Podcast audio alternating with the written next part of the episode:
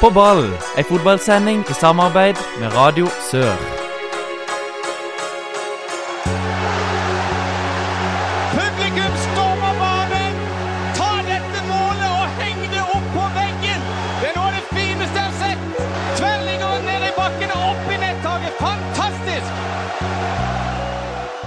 Hjertelig velkommen til en ny sending med På ball. Mitt navn er Håkon Kile, og den neste timen da blir det fotballsnakk her på Radio Sør. Anders Flatstad og Jon Rippland, dere er her i studio som vanlig. God dag, god dag. Hva skal vi snakke om i dag, Anders? Nei, da blir det litt forskjellig. Vi skal innom mye Premier League, og vi skal prøve å ha noen quizer og litt sånn, så det blir gøy. For eh, forrige uke da hadde vi besøk av Vindbjørn-trener Steinar Skeie. Mens eh, denne uka da skal vi fra bygd til eh, by, bokstavelig talt.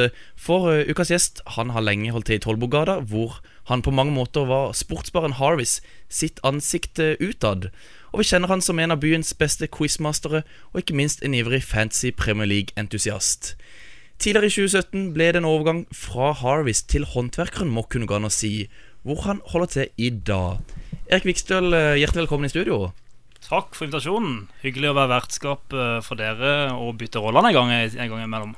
For uh, vi har uh, Vi er blant annet med på denne her eh, fotballquizen. I hvert fall dere eh, henger godt med Anders og Jon. Ja, nå syns jeg du glimrer litt i ditt fravær i denne sesongen. Men det er godt dere er der. Ja, håper det. Eh, men Erik, stemte det med, med introen her? Det var en hyggelig introduksjon. Er du fortsatt, Har du fortsatt noen roller i, i Harvis? Absolutt. Fortsatt medeier i Harvis og bygget til Harvis, og også håndverker. Det eies av samme holdningsselskap. Hva er din rolle på Håndverkeren? Nå i sommer så overtok jeg som dagleder, og da er det på en måte en lik rolle som jeg hadde på Harvis i seks-syv år. Ned på gulvet, tett på ansatte, tett på gjester. Tettere på aktiviteten og arrangementer og sånt som skjer i det daglige. For uh, julebordsesongen er i gang, og åssen ser egentlig hverdagen din ut? Nei, at jeg egentlig sa ja til å komme her, det var noe jeg angra på. For den er pressa, pressa hver dag. Men jeg tenkte jeg skyldte disse gutta her når de stiller opp på quizene. Ikke dem, jeg regner men eh, Så det var bare hyggelig. Eh, hva gjør du egentlig når ikke du er på jobb? Jeg jobber veldig mye. Det gjør jeg. Eh, og spesielt nå. Ny rolle, ny stilling, nye ting å lære. Nye ansatte blir kjent med. Jeg kjenner jo håndverkeren godt utad, for jeg har jo vært eier i fire år. Men fra innsida, alle detaljene og lære ansatte å kjenne og gjester og den aktiviteten, så har tatt meg en del måneder å bli kjent med. Og så var det rett inn i høysesong med julebord og, og høsten og alle de arrangementene vi har på huset. Så jeg har nok å holde på med. Hvor i Kristiansand er det egentlig du bor? Jeg bor midt i byen, Holbergs gate. Bakgrunnen til det Det var når jeg kjøpte meg inn på Harvis. Så jeg satte en passer i kartet, om, omkrets med den. Tre minutters gange til arbeidsplassen. Innenfor her skal jeg kjøpe. Det må jo være eh, midt i blinken. Ja, det sparer meg mye tid, iallfall. Det skal jeg love. Eh, men eh, du har ikke bodd der hele livet, har du det? Nei, opprinnelig så er jeg fra Fagerholt. Gimletolgutt. Flytta til Lund og Start. Har du spilt noen fotball? Ja, i Gimletroll og i Start. Det var de to. Og så tilbake igjen i Gimletroll. Helt til knærne ga, ga slutt på i 16-17-årsalderen. Uh, ja, hvor, hvor lenge holdt du egentlig Ja, i 17-årsalderen, men hvor spilte du egentlig på banen? Først på midtbanen. Eh, strateg midt på. Kler pasninger, ser de smarte løpene, holder på ballen hvis han må. Eh, men etter hvert som på en måte det gjerne blir i den alderen, trekker du lenger og lenger tilbake. Forsvaret, mitt forsvar. Og nå når vi spiller eh, Vi spiller faktisk for gøy med en Harvis-gjeng fortsatt en gang i uka. Veldig veldig hyggelig å holde det ved like inn i Odderøyhallen. Da kjenner jeg det at det, det er naturlig for meg å ligge bak og styre, men jeg har veldig lyst til å være med frem også. Det er ikke noe sånn bedriftslag? Harvis, Vi hadde to år på rappen. Ja. To opprykk, tre sykemeldinger. Ja, for Kile er jo aktive der med XXL. eh, Drillo-fotball eh, har det blitt kalt. Det blir, det blir Drillo-fotball når, eh, når det blir stadig flere og flere forfall.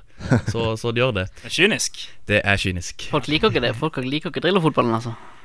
Eh, nei, får litt kritikk, men eh, såpass må han tåle. Eh, Vi er straks tilbake. Du er en stødig kar, så det blir oven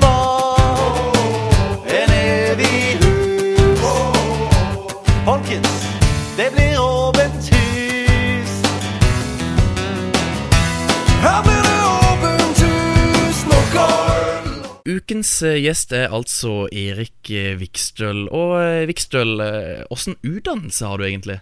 Ja, Det er det mange som lurer på med tanke på at jeg har grodd fast i utelivsbransjen. Utdannelsen min den stammer fra en filmskole i London, faktisk. Eh, studerte manus. Dypt inn i alt jeg var glad i å skrive. Det henger også sammen med den jobben jeg hadde før dette, som sportsjournalist i FA-vennen. Så var det en kombinasjon av, at jeg forelska meg i Pulp Fiction og Quentin Tantino og manus, og en, også en fotballinteresse som tok meg til England, hvor jeg bodde tre år i London og gikk på en filmskole der. Ble det mye kamper i London? Ja, det ble en del, men du vet, som student i London Alt er dyrt. Alt som er gøy i London, er dyrt. Men eh, du nevnte Feven her. eh, Var det så bare rett hjem til Norge og rett inn i Feven? Nei, det var omvendt, faktisk. Omvendt? Dette var litt uh, før, uh, før militæret, under militæret og før jeg dro til England. Men jeg tror uh, alle gutta her er interessert i å høre hvordan det var å jobbe i Feven. Når jeg begynte der som en 16-åring, så fikk jeg, jeg fikk karate med en sjanse, eller det var kanskje min mor, som, som overtalte sportsredaksjonen i Feven om at gi han her en sjanse. En uke inn på arbeidsuka, og så hadde jeg jobb der i tre-fire år etterpå. Og det var stort. Det var enormt. Litt som frilans, eller var det mer Som frilans, ja, ved siden av videregående skole og etter, etter, eh, etter videregående. Og der jobber du mye med Alt mulig. altså Du dekker lokale ting. Om det var i travparken, eller om det var bordtennis, eller om det var, om det var fotballkamper. Du fikk lov til å være med på en startkamp og være med. Men det var jo de store gutta som fiksa de, de gjeveste tingene. Eh, fulgte du mye med på lokalfotballen da? Ja, på den tida der så hadde jeg en fin dobbeltrolle. Da var jeg både dekka lokalt eh, i Feven, og så satte jeg odds for et oddsselskap på nett på lokalfotballen. Det er vel lov å si nå, 15 år etterpå. Ja, det må være lov. Eh, hvilke lag og, og spillere var det som herja på Sørlandet da? Oi, dette her er jo på tida med Tom Jarle Thomassen og Han ble jo nevnt i hver podd. Gjør han det? Ja, Jo, han har holdt på så lenge nå. Ja, Han, han, har- han skårte seg Skårer mål ennå? Ja, det var, hadde en to-tre mål for Vigør 2 i årets eh, sesong, faktisk. Yes. Vigør Ja. 2 i, i sjette divisjon. Men det var jo, jeg husker det var samme knivinga lokalt som da. Eh, gamle avdanka startspillere ikke sant, som trapper ned et hakk fra den tida der. Eh, vil du si det er noen forskjell på, på måten Feven kanskje dekker lokalfotballen i dag kontra den gang? Nå kjenner jeg ikke til Den har ikke førstehåndskunnskap til hvordan de gjør det den dag i dag. eh, Men i hvert fall på den gangen der så var vi veldig Vi var veldig opptatt i hvert fall altså få på en måte rett på telefon om ikke vi kunne dekke det sjøl. Få på en måte eh, kontakt med trenerne, høre begge sider. Det var, en, det var vel et satsingsområde den gangen der. Og det er jo klart nå er det sammen med avisbransjen sikkert eh, hatt en naturlig nedgang litt i, i dedication der. Det er nok mye, mye å si det, ja. Eh, men nå Stavanger Aftenblad satser jo veldig på lokalfotball, og jeg vet Feven har latt seg inspirere litt av det. Og så så jeg eh, A-media som streamer andredivisjon, hadde jo fått 10 000 nye ab abonn abonnenter i år pga. Eh, ja, at det var mulig å se andredivisjon gjennom dem. Så det her er absolutt en appell der ute. Veldig kult, for det er jo sånn du må skjønne Du må treffe en nisje. Du må gjøre noe som ikke du får ellers. Der får du nye abonnenter. Og sånn som dette her lokalt. Og lokalfotball det er klart det engasjerer veldig. Det engasjerer på puben, og det engasjerer på matta og i garderoben og over hekken med naboen. Eh, hvis vi ser litt utenfor ut forbi eh, Sørlandet, Vikstøl, har du et eh, favorittlag? Det har jeg absolutt. Og det spiller Paul Trafford og heter Manchester United. Hvorfor er det favorittlaget ditt? Jeg hadde ikke så mye valg med en ganske ihuga far, så det kommer gjennom han. Eh, så det er, ikke, det er ikke noe mer spennende historie enn som så. Spennende nok. Har du vært mange turer over sitt? Jeg har vært mange mange turer. Eh, nå De senere årene, de siste fem-seks årene Selvfølgelig når jeg bodde i England også. Ja.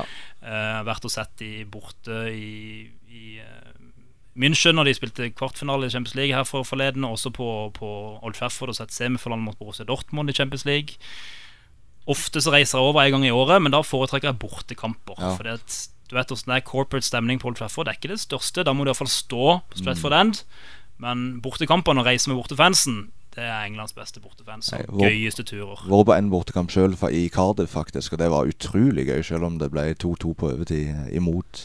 Hva vil du si er den beste, beste minnet du har fra en engelsk kamp med United? Det er definitivt at vi var og feira nyttår uh, i Manchester. Og grytidlig kamp første nyttårsdag borte mot Wiggen. Festa hele natta. Opp tidlig, taxi til Wiggen en time. Rett inn på stadion. Gutta står der og synger, ikke sant og Rio Ferdinand og alle sammen står på banen og klapper til fansen og inter interacter med oss på tribunen. Så vinner vi 4-0. Nydelig kamp. Og jeg traff bra på fantasyen i tillegg. Perfekt første nyttårsdag. Det er det de der nyttårs- og ju- romjulskampene. Åh, Ja, det er noe helt eget å reise over på, på den tida. Det er bare å anbefale. Og forresten, jeg har to veldig gode minner. To ganger har jeg vært på Anfield. Begge gangene har jeg vunnet 3-1. Og sist gang nå, da sto jeg og drakk øl i pausen på, eh, når dommeren blåste i gang pipa. Og så kom vi ut, og så fikk jeg beskjed Hei, Steven Gerrard har fått rødt kort. Så bare, Hæ, Steven Gerrard spiller dere en gang? Så vi trodde jo ikke dem på det. Han hadde vært på banen i 13 sekunder og fått rødt kort, så vi måtte telle spillerne. Ja, stemmer det. De er nede i 10. Vi må over til noe annet. eh, Erik, kunne du ha gått inn i en rolle som daglig leder i en fotballklubb, tror du? Ja, jeg kunne nok kanskje det. Og for et par år siden så var det litt på bordet. Iallfall snakka litt om i visse kretser. Men eh, nå vet jeg ikke. Tror du det er lettere eller vanskeligere enn å drive en restaurant? Jeg tror når du kommer opp på lederskap på et visst nivå, så er det ganske likt. Det er ganske samme uansett om du er, om du er en svær leder for 1000 ansatte som skrur på skruer, eller om du selger pils, eller om du skal Tross alt så jobber du med mennesker, og du skal være strukturert og administrere mye av de samme tingene. Så arbeidsoppgavene i det store og det hele er veldig like, tror jeg. Men det var aktuelt for noen år siden, sier du? Var Overhodet ikke aktuelt, men det ble snakka litt om med et par folk eh, rundt meg sjøl. Bare som for gøy om at kanskje det kunne vært et naturlig steg etter hvert. Eh, men det har vi gått vekk ifra. Vi ikke nevne klubb. Jeg kan ikke gjøre noe der. Det har aldri vært aktuelt med klubben. Jeg har ikke vært noe, Men krefter rundt en klubb, Eh, men kan jeg heller si. eh, hvis vi ser på Hvis, hvis eksempel en barkeeper er keeperen, og dørvakta er midtstopperen, eh, hva er da han som tar seg av oppvasken? Du har jobba med dette her, ser jeg. Nei, eh, et, et spørsmål. Ja, jeg skjønner. Nei, eh, han som tar oppvasken, Hva må det, han være da? det må jo være klinen på midten. Bokstavelig talt. Kan se. Liten gol- Rødegutt. golokante, ja. Som bare skjermer mellom mitt forsvar og midtbaneleddet. Eh, jeg fikk det svaret jeg var ute etter. jeg gjorde det. Vi er straks tilbake.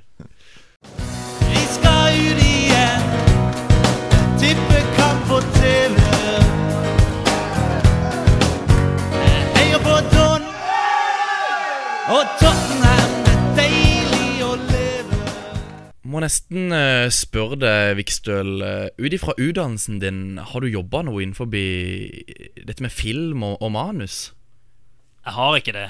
Eh, siste år på skolen, tredje året i bachelorgraden der, så tøft, hardt og vanvittige krav. Så det var, det var eh, en utfordring å komme gjennom, rett og slett. Men vi klarte det.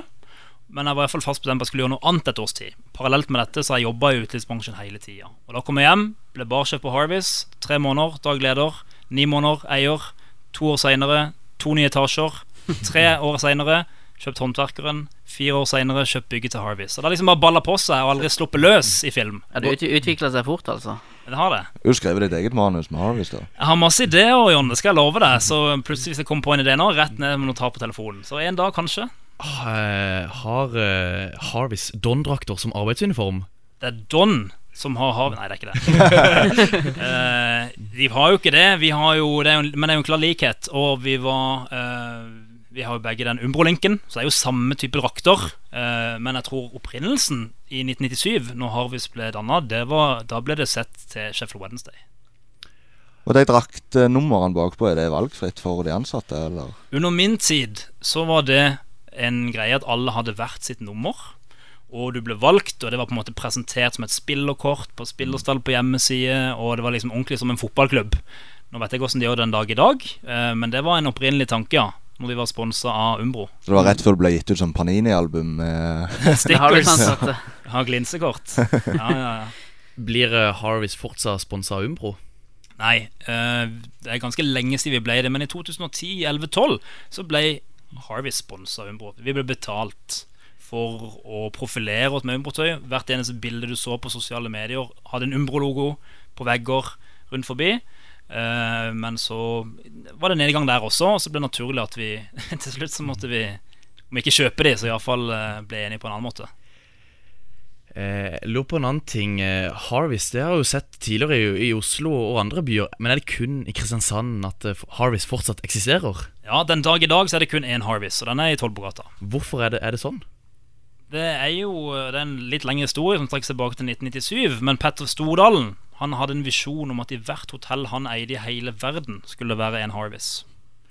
Når han kjøpte Harvest uh, fra, her, fra de gutta i Kristiansand i 2005, så uh, lagde han to i Oslo og én i Trondheim.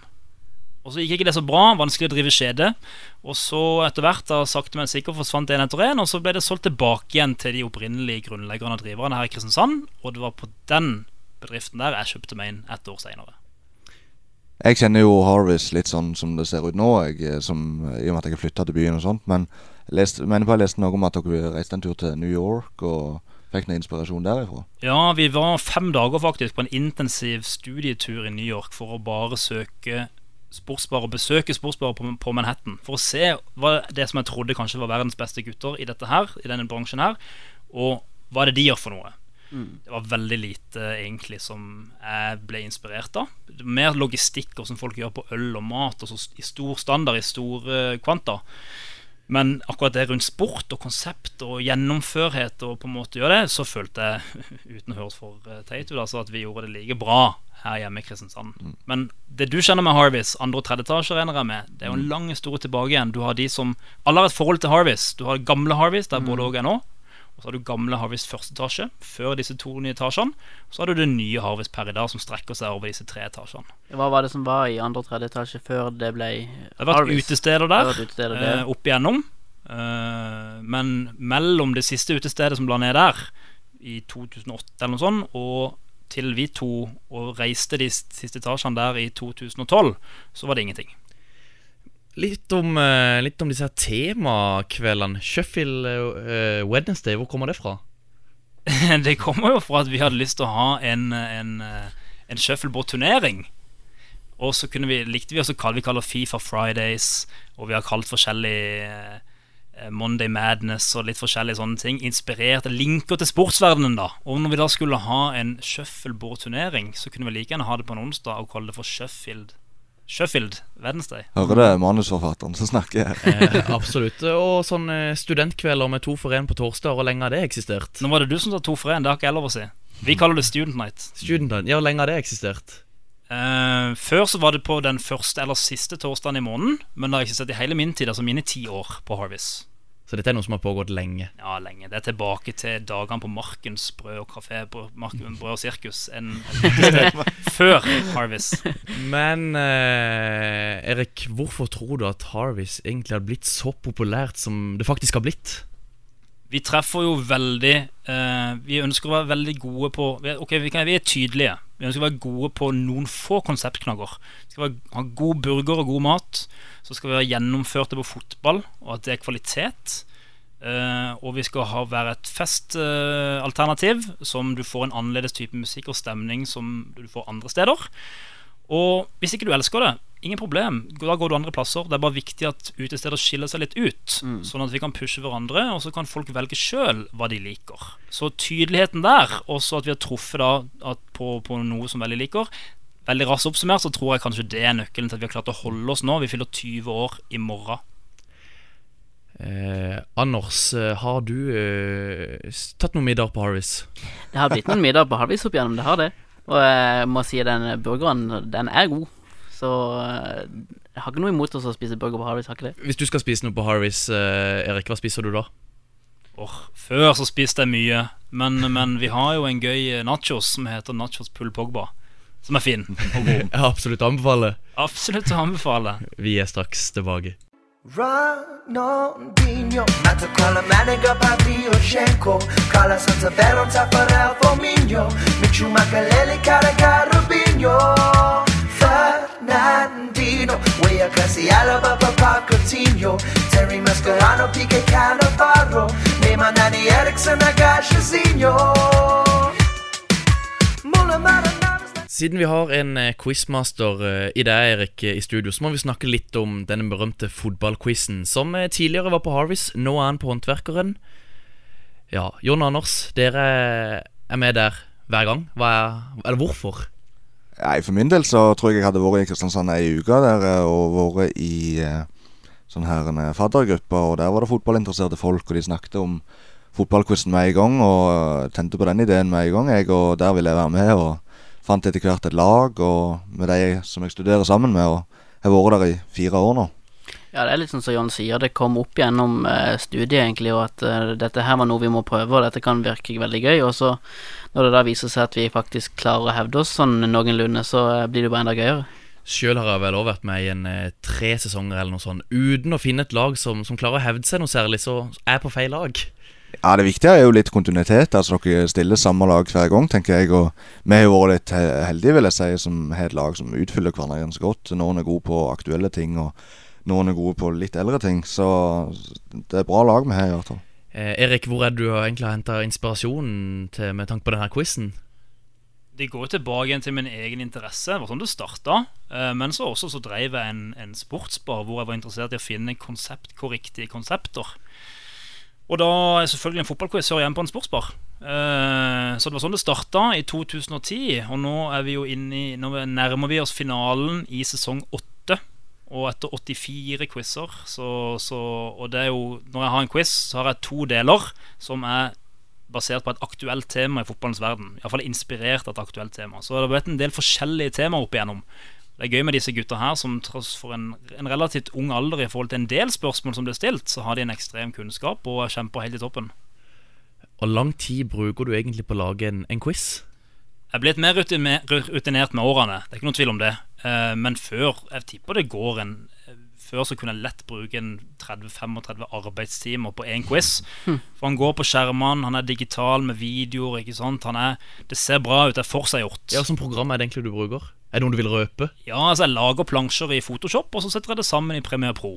Så det er, det er noe som har- som er selvlært, som alle kan lære seg å gjøre. Eh, men, men nå når på en måte Når rutinen sitter litt mer, så er det ikke så mye jeg må, jeg må ikke finne opp kruttet på nytt hver gang. Det er litt klipping og liming og så bytting av bakgrunner.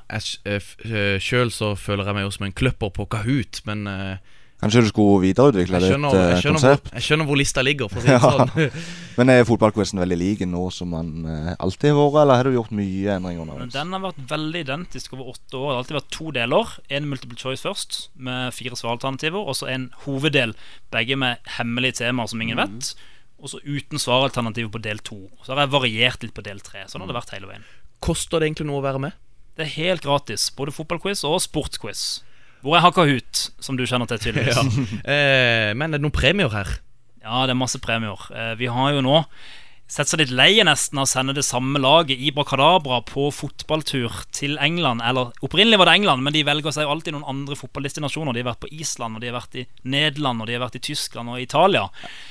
Ja, Jeg tenker Når de reiser til Island, da har de vunnet nok ganger. Så Ja, det hadde vært gøy om noen andre kanskje kunne ja. Nå er det jo en veldig thriller mellom gutta sitt lag her. Kolos Crew i Ibra før finalen lørdag 30. desember. De er rett bak etter de strøke rundene fra i år, og alt skal avgjøres med en finale.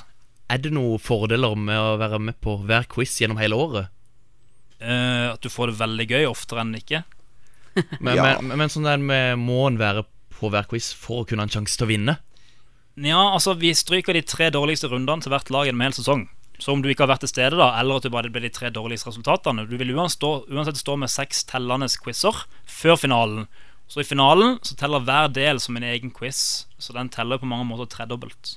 Og så er det jo i tillegg muligheten til å vinne hver enkelt quiz. Så Det er rundepremier og noen ekstra premier her og der.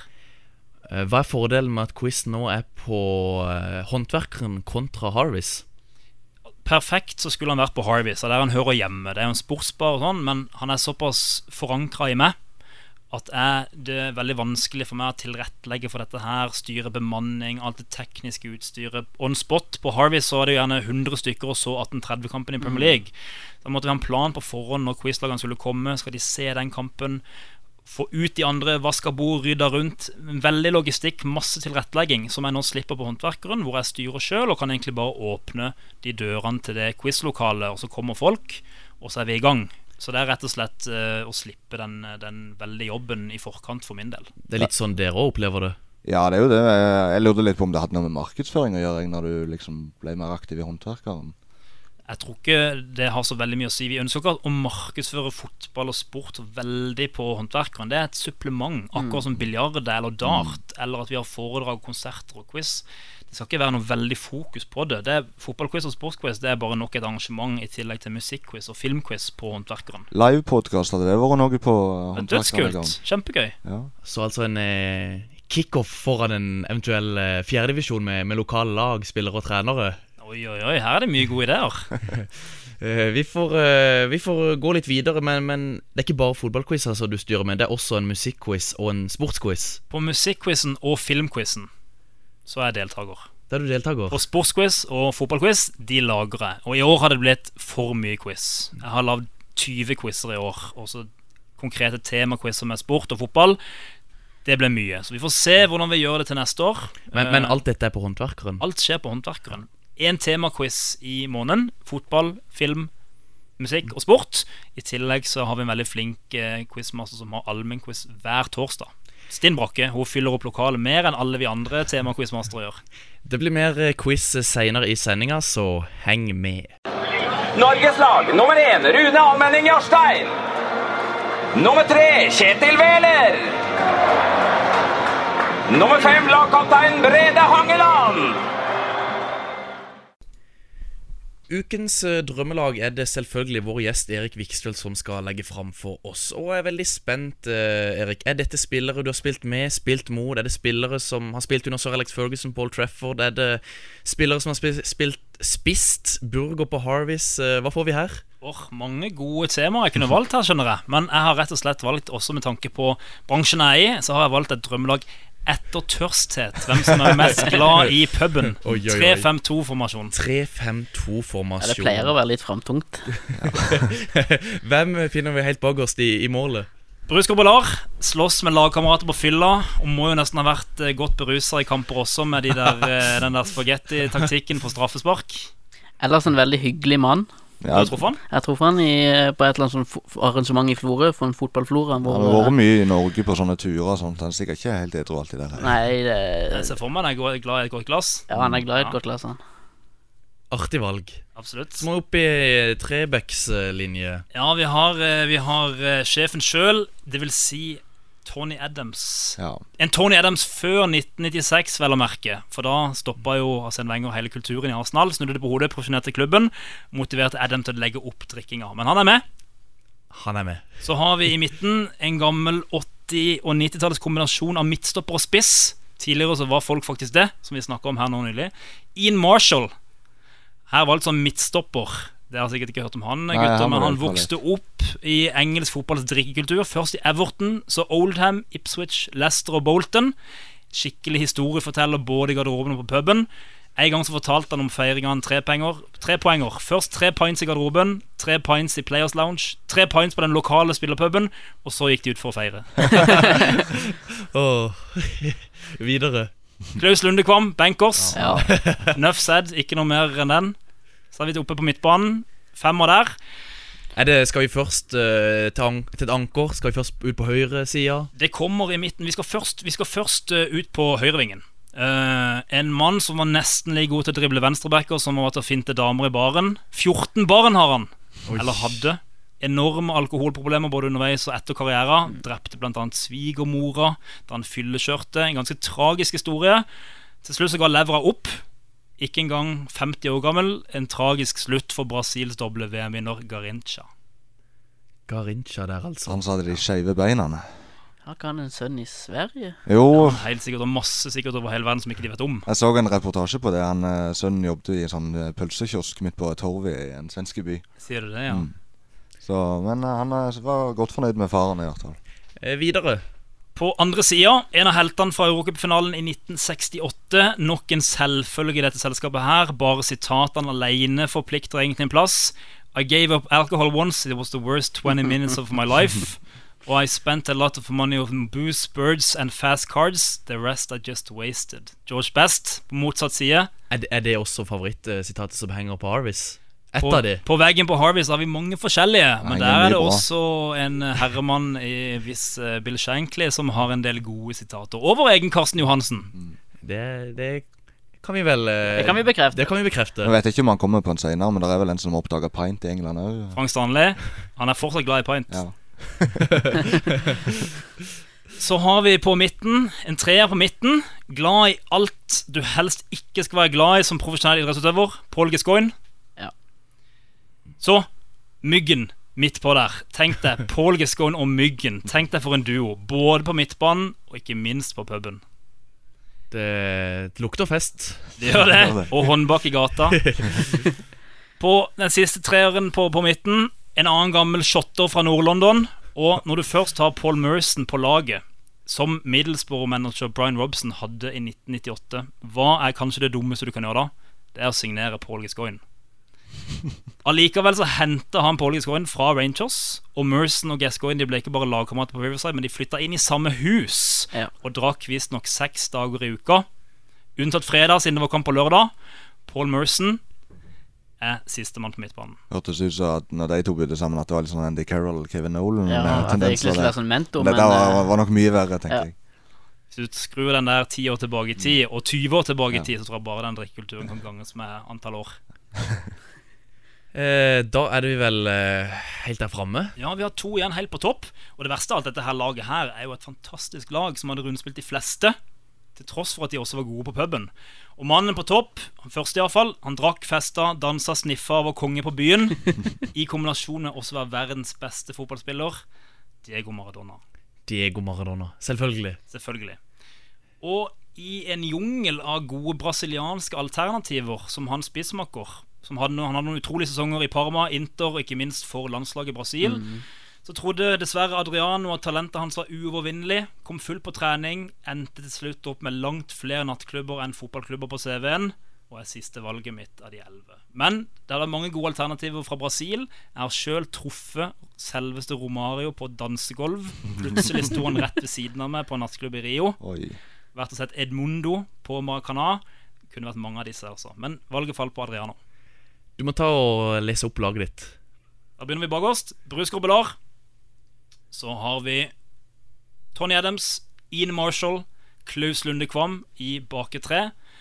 Garincha på og George Best på hver sin ving. I midten Paul Gascoigne, Myggen og Paul Merson. Så har vi Diego Maradona og Adriano helt på topp. Fantastisk lag. Ja, Eh, Jeg må legge til den på Gascoigne. Der er jo den der historien fra VM 1990 når han eh, de har skuddtrening med England, og det går en ball langt bak i skogen eh, bak det ene målet. Eh, og Gascoigne bare 'Den henter jeg', og så forsvinner han bak i, i skogen og kommer ikke tilbake igjen på trening før dagen etterpå. Fra samme plass som ballen ble skutt, med ballen under armen. 'Her er ballen. Her er jeg.' Så har han jo vært ute på byen hele natta og festa, da. Eh, Erik, fins det noen trener i verden som kunne hatt styr på dette laget her? Oi, oi, oi. Altså, jeg tror Sir Alex Ferguson kan trene og mestre og snakke til hvem som helst. Så han skal du ha en manager, sett han opp. Han hadde fiksa denne her bølingen her òg. Og Paul Gisgoyen har faktisk sagt det. Det han angrer aller mest på, han angrer på mye, men det var at ikke han gikk til Manchester United og ble leder av Ferguson, som kunne kanskje gitt han noe guidance, fremfor å gå til Tottenham på tidlig 90-tallet. Dette laget blir om ikke altfor lenge lagt ut på Twitter. Og eh, Det er ikke sikkert en skal henge det opp på håndverkeren eller på Harvis, men hvor kan en henge det opp, Anders? Du kan henge det opp på soveromsveggen, for, i hvert fall. Ja, det, det kan du gjøre. Eh, åh, nei, det ble det veldig koselig. Jeg følte det ble nesten litt sånn lørdagsstemning, eh, i hvert fall av å høre stemmen din, Erik. Det er hyggelig. Nå var jo du fast deltaker på quizen en gang i tida, så vi savner deg der. Prøv også å få pressa inn i din tighte kalender en liten tur på en quiz, du også. Så kan du høre stemmen min oftere. Jeg skal stille et slag. slagkraftig lag. Jeg skal det. Vi er straks tilbake. Altså, det er, jeg syns vi mangler litt uh, intensitet. At vi, vi, vi, er litt, vi er der, men vi er ikke der. Altså, vi, vi er der, men vi er ikke der. Altså, vi I eh, ukens eh, Der, men ikke der, så skal vi snakke litt om Fancy Premier League. Og Anders, hva er egentlig Fancy Premier League? Det er jo et, et spill som, hvor du setter opp et lag med et budsjett på Du får 100 millioner, så skal du sette opp 15 spillere. Og så må du da håpe at eh, de presterer i, i det virkelige livet og skårer enten mål, holder nullen eller uh, driver med assisterende uh, pasninger. Er du fornøyd eh, så langt, Anders? Eh, både og. Jeg var veldig fornøyd fram til nå, og så fikk jeg en veldig dårlig runde som har satt meg tilbake litt, men eh, fortsatt lenge. Jeg ser før Gameweek eh, Før Gameweek 13 så lå altså du, Anders, og du, Erik, der lå helt likt med 693 poeng. Eh, Hva tenker du sjøl, Vikstøl? Er du fornøyd med, med årets sesong, fancy-messig? Var jeg likt med John eller med Anders? Med Anders? Jeg syns det er veldig sterkt av Anders. Jeg er veldig skuffa, men til Anders er det veldig, veldig bra. Eh, Jeg føler ikke jeg har hatt så veldig bra sesong, men jeg ligger jo der oppe i toppen eh, Toppen av Harvestligaen, eller iallfall høyt oppe på første side av Harvestligaen. Så det er jo det der, hvis du er kontinuitet og ikke får panikk, ikke blir stressa, spiller litt på rutinen, ikke begynner med Gi folk en ekstra kamp hvis du først har henta de inn. Og det er en del sånne triks som du lærer med årene ved å spille fantasy. Og mange av de samme mekanismene som i fotball, nesten. Ja, veldig, Du nevnte denne Harvis-ligaen, Vikstøl. Er det noe som du starta opp? Det var også noe jeg starta back in the days, når vi på en måte lagde disse her eh, konseptene på Harvis. Det har vart opp til da. Fra siste fem årene vært over 250 stykker som betaler seg med på en årlig medlemsgift. Og så, og så får de noen rabatter på Harvis under fotballkamper. Og er med og konkurrerer om rundepremier, om månedspremier, om sammenlagtspremier. Så veldig rutta opplegg på, på ti måneder. Og Sammenlagtpremien, det, det er en skikkelig premie. Det har også vært fotballtur. Så har vi sendt eh, masse lokale helter på, på balltur til England. Og jeg ser nå vi har en eh, I hvert fall nå nylig så har vi en, en kjenning kjenninger som leder, eh, eh, Gøran Birkeland. Ja, han har jo uh, gjort det bra tidligere òg. Han har vel vunnet et år, hvis jeg ikke Han har husker før, han. Sammenlagt i forfjor, mener jeg. Ikke så lenge siden heller. Og så har vi uh, Magnus Mjåland, er jo et kjent navn som er høyt oppe i ligaen. Alexander Nilsen, din uh, samboer, Anders, han er Ja, høyt oppe. han- Ole Gohn, din samboer, er også høyt oppe. Uh, Remi Håverstad, tidligere Vigør og Våg-spiller, er høyt oppe. Eh, og så er det jo dere to, eh, Vikstøl og, og Fladstad. Og så ligger jeg jo og, lurer litt sånn på, på topp topp 40. Finner ikke meg på den listen der. Du lå, du lå litt lenger nede. Jeg er ikke med i Harvest-ligaen i år. men eh, poengmessig så er du litt under. Ja, jeg er det. Men jeg eh, må innrømme det. Nå snakker vi riktignok om fantasy her, men jeg har fått det litt opp i halsen, jeg, at eh, hvis City skårer og jeg holder med United, sant, så det å sitte og så håpe at Aguero skal score bare fordi han er på fantasy, jeg er ikke så glad i det. Men sånn tror jeg det er for mange. Ja. Jeg tror mange kjenner var seg igjen. Ja, så var jeg litt mer glad før når det kom opp spillere for Championship som var underpriser. Det kan være Charlie Adam når han rykker opp med Blackpool, det kan være Adam Lallana i Southampton. Callum Wilson i fjor. Ja, men enda litt før, da, for da var de faktisk underpriser. Nå er de jo faktisk priser ganske høyt, de som er gode i Championship. Jeg likte bare å finne de der, jeg. Har du en eh, strategi eh, Ja, på Fantasy, Vikstøl? Av mange. Uh... Vil du røpe noe? Men som jeg sa, det, er, det gjelder å på en måte være litt kald i nøtta og ikke på en måte gjøre de der panikkjøpene og minuspoengene. Jeg venter alltid til fredag eller lørdag morgen med å bytte uansett. Skal med alle pressekonferanser, siste skadesituasjon. Og på en måte være rutinert der. Ikke bry deg om å tjene eller tape de ekstra hundretusenene i penger. Det er ikke viktig, det store og det hele. Uh, ellers så syns jeg det er utrolig vanskelig, i år, for det er så mange du vet ikke helt hvor du skal putte pengene. Det er mange dyre kanoner som plutselig kommer i form én etter én. Så du har liksom Du har hele tida lyst, lyst til å flytte penger rundt forbi. Uh, og jeg har alltid vært glad i et dyrt forsvar. Alltid vært veldig glad i det. Leighton Baines og Gary Cahill, og nå i år de siste som Alonso og sånn. Jeg føler de må være der, så nå har jeg de ute av laget akkurat nå, men jeg ser jo på muligheter hele tida for å få de tilbake igjen. Tar du mye hits? Veldig lite. Lite hits? ass. Kalkulerte hits. Kalkulerte da kan jeg heller stå og vente og stå over en runde, og heller ta tre bytter og ta fire minus for å rydde litt opp. Ha, ja. Ja, det beste laget i år har jo rullert veldig mye City, tenker jeg. Det er jo vanskelig å falle ned på en angriper der. Ja, og Da tror jeg det er viktig også, når du først har valgt en Selv om han sitter på benken neste og kommer inn og får ett poeng i to kamper på rad, så må du stå med han, for plutselig kommer den 15-poengeren. Men jeg vet jo verdens beste fantasyspiller, Ville Rønka fra Finland. Han tok sitt Sånn første minuspoeng noensinne på ti år i fjor. Sitter dere med noen spillere nå som dere føler må ut av laget? Ja, jeg sitter på tre. Hvem da? Um, jeg føler jeg har, jeg har sittet for lenge med Aguero nå, Uh, og jeg må òg ha ut uh, Eriksen etter hvert, tror jeg. Altså den siste kan uh, være hemmelig. Jon Jeg har en skade på John Stone som må bli kvitt. Så enten så må vi sende han til sykestua og få han tilbake kjapt, eller så må vi finne på noe annet. og du Vikstøl. Jeg er egentlig ganske fornøyd med laget. Det er ikke så lenge to wildcard, tre-fire runder siden. Og jeg er veldig fornøyd. Det har gått øh, grønne piler hele veien siden den gang. Så egentlig ikke, men nå har jeg to gratis bytter, og du vet det klør litt i fingrene. Jeg har uh, wildcard tilgjengelig, og det klør òg litt i, fingrene. Det tror jeg på. Eh, tenker dere noen sånne spillere som dere må ha inn? Som dere ikke har på laget nå? Uh, ja, det sitter en eh, franskmann i uh, på Old Trafford som nok må inn uh, ganske fort. Han er inne hos meg allerede. Jeg sitter og tenker litt på Jeg har verken Sala eller Mané. Om en av de kanskje må inn. Jeg har jo altfor mange interne bets der ute, så jeg kan begynne å røpe sånn. Jeg tenker det var nok fancy prat for denne gang. Eh, Vi er straks tilbake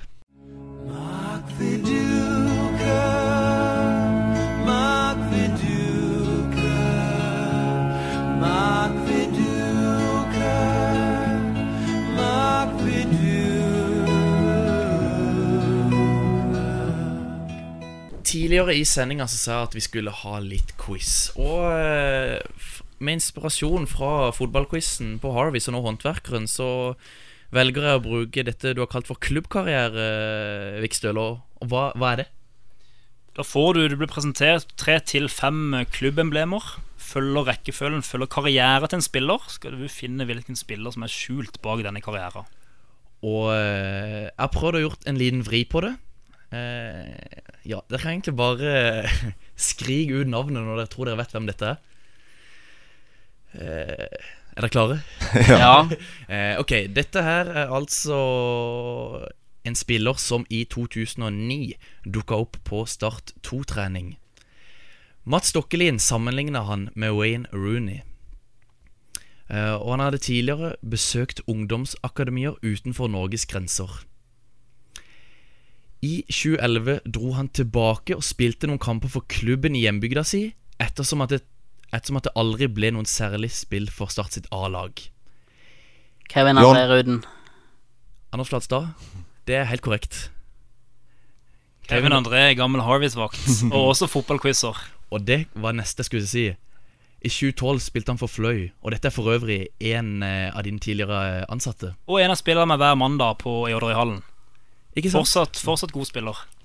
Men eh, der var du på ball, Anders. Eh, vi må videre. Eh, Skal vi bare si navnet på svaret, eller skal vi si eget navn? hva si eh, navnet på spilleren? Ja, for okay. nå var jeg på mitt navn her. Eh, vi, hadde du tenkt å tippe Kevin Ruden? Nei. Eh, vi, vi må videre. I en alder av 25 år hadde han allerede spilt for Lyngdal, MK, Start, Eik Tønsberg, FK Arendal, Riel og Vigør. Han var glad i å slåss. Raymond Hofstetter. Raymond Hofsæter er korrekt. Jeg tror han ikke på klubbene, men jeg tror han på en glad i å slåss. Eh, raskt og, og, og, og bra. Jeg Hadde flere punkter her, men, men vi må rett og slett videre. Eh, oppgave tre. Han var toppskårer i La Liga 04-05. Jon. Roy Ja. Mackay. Feil. Og 08-09. For to forskjellige klubber. Du sa Roy Mackay, John. Ja, det er feil. Som sagt, toppskårer i La Liga 04-05 og 08-09, men for to forskjellige klubber. Eh, David Villa. nei. Nei, det er for tidlig. Og dette var etter et noe ja, Mange mener det var et mislykka opphold på Old Trafford. Toppskårer i La Liga 04-05. Diego Forlan. Diego Forlan er riktig. det er helt korrekt, Anders. Er nesten vondt også, å så se han i United-drakt, for det var, det var dårlig. Ja, jeg husker en bom mot eh, Liverpool. Blant Jo, men han senka Liverpool òg. Det var jo Ja, verdt det det. gjorde Det. Ja. er jo på en måte Who Made It Scousers Cry. Han hører, de hører fortsatt det. Ja. Eh, vi må videre. Oppgave fire. Det var en spiller som debuterte for Norges U21-landslag i 2006, etter å ha vært på utlån til Haugesund det året. I 2011 så fikk han ikke ny kontrakt med Start, og dro derfor til Kongsvinger. Morten Hestad. Morten Hestad er korrekt. Morten Hestad er helt korrekt, eh, Vikstøl. Sterkt. Det er sterkt. Eh, jeg har en til.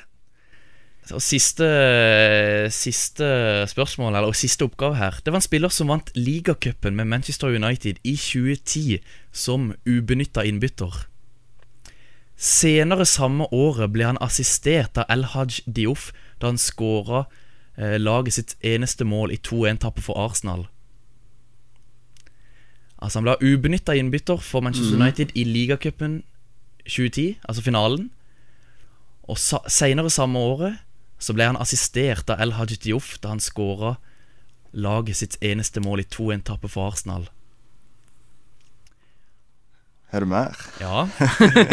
eh, I 2011 så skåra han to mål i Paul Scholes sin testimonial mot New York Cosmos. Mambiram Diouf. Mambia Ramdiop er helt Den er korrekt. Det er helt korrekt. Eh, jeg tror du stakk av. Det var, det var mye United her, Håkon. Men det er jo tre United-gutter, er, det- er det ikke Ja, det? mye start. Det var mye start. Men jeg tror du stakk uh, hårfint av med seieren, Anders. Eh, Det er gøy. Alltid gøy med, det, med en seier. Eh, og da spør jeg Lise godt, Anders, hva har vi snakka om i denne sendinga?